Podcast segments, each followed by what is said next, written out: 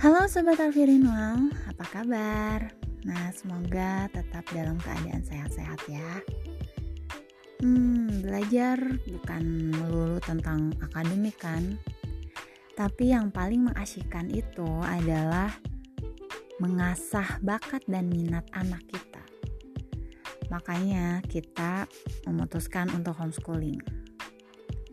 Selain itu, banyak banget kelebihan dari homeschooling ini selain memang kekurangannya tapi kita mau bahas sisi kelebihannya itu. Mulai dari kedekatan kita dengan anak sampai perkembangan anak pun kita bisa tahu. Karena kita terus mendampingi mereka.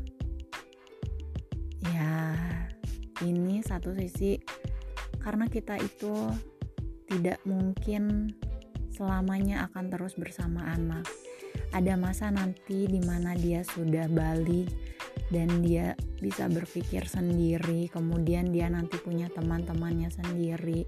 Bahkan kita misalnya ajak dia untuk pergi bersama kita pun dia pilih karena dia lebih memilih temannya. Makanya di 12 tahun di awal ini saya dan suami memutuskan untuk homeschooling itu adalah salah satunya banyak alasan orang-orang untuk memutuskan homeschooling. Selain hal-hal yang tadi, ada juga yang dia itu merasa cemas dan tidak ada lingkungan yang sepertinya baik untuk anaknya ataupun sekolah terdekat itu sama sekali tidak sesuai dengan prinsip-prinsip yang diemban oleh keluarganya. Makanya mereka memutuskan untuk homeschooling. Atau ada juga keluarga yang memutuskan untuk homeschooling karena ingin banyak belajar untuk agama. Jadi khusus semuanya tentang belajar agama itu ada. Jadi orang memutuskan untuk homeschooling itu berbagai macam. Namun dari semua yang kita lihat kita pelajari dan kita tahu memang homeschooling itu benar-benar uh, cocok untuk keluarga yang masih ingin selalu dekat dengan anaknya.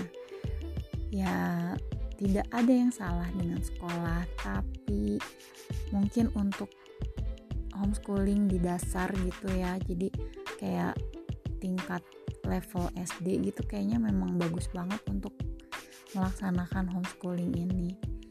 Ya sebenarnya secara nggak sadar sih orang tua itu sudah melakukan homeschooling bagi anaknya dia gitu. Kenapa? Misal contoh anak bisa makan itu dari mana? Kita yang ajarkan. Terus anak pegang sendok anak belajar berjalan kita yang memapa dan fitrahnya si anak itu adalah terus belajar. Makanya kita hanya tinggal memfasilitasi si anak-anak untuk terus belajar.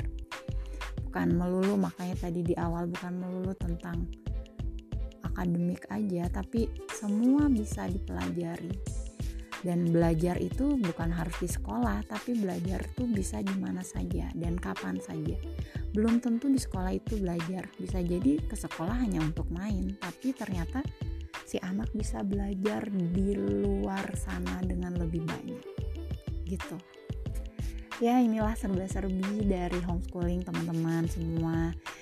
Ya semoga ini bisa menjadi sebuah pencerahan juga untuk teman-teman dan sobat Arvirinwal tentunya Oke, sekian. Nanti kita akan ngobrol-ngobrol lagi. Sampai berjumpa di podcast selanjutnya. Bye.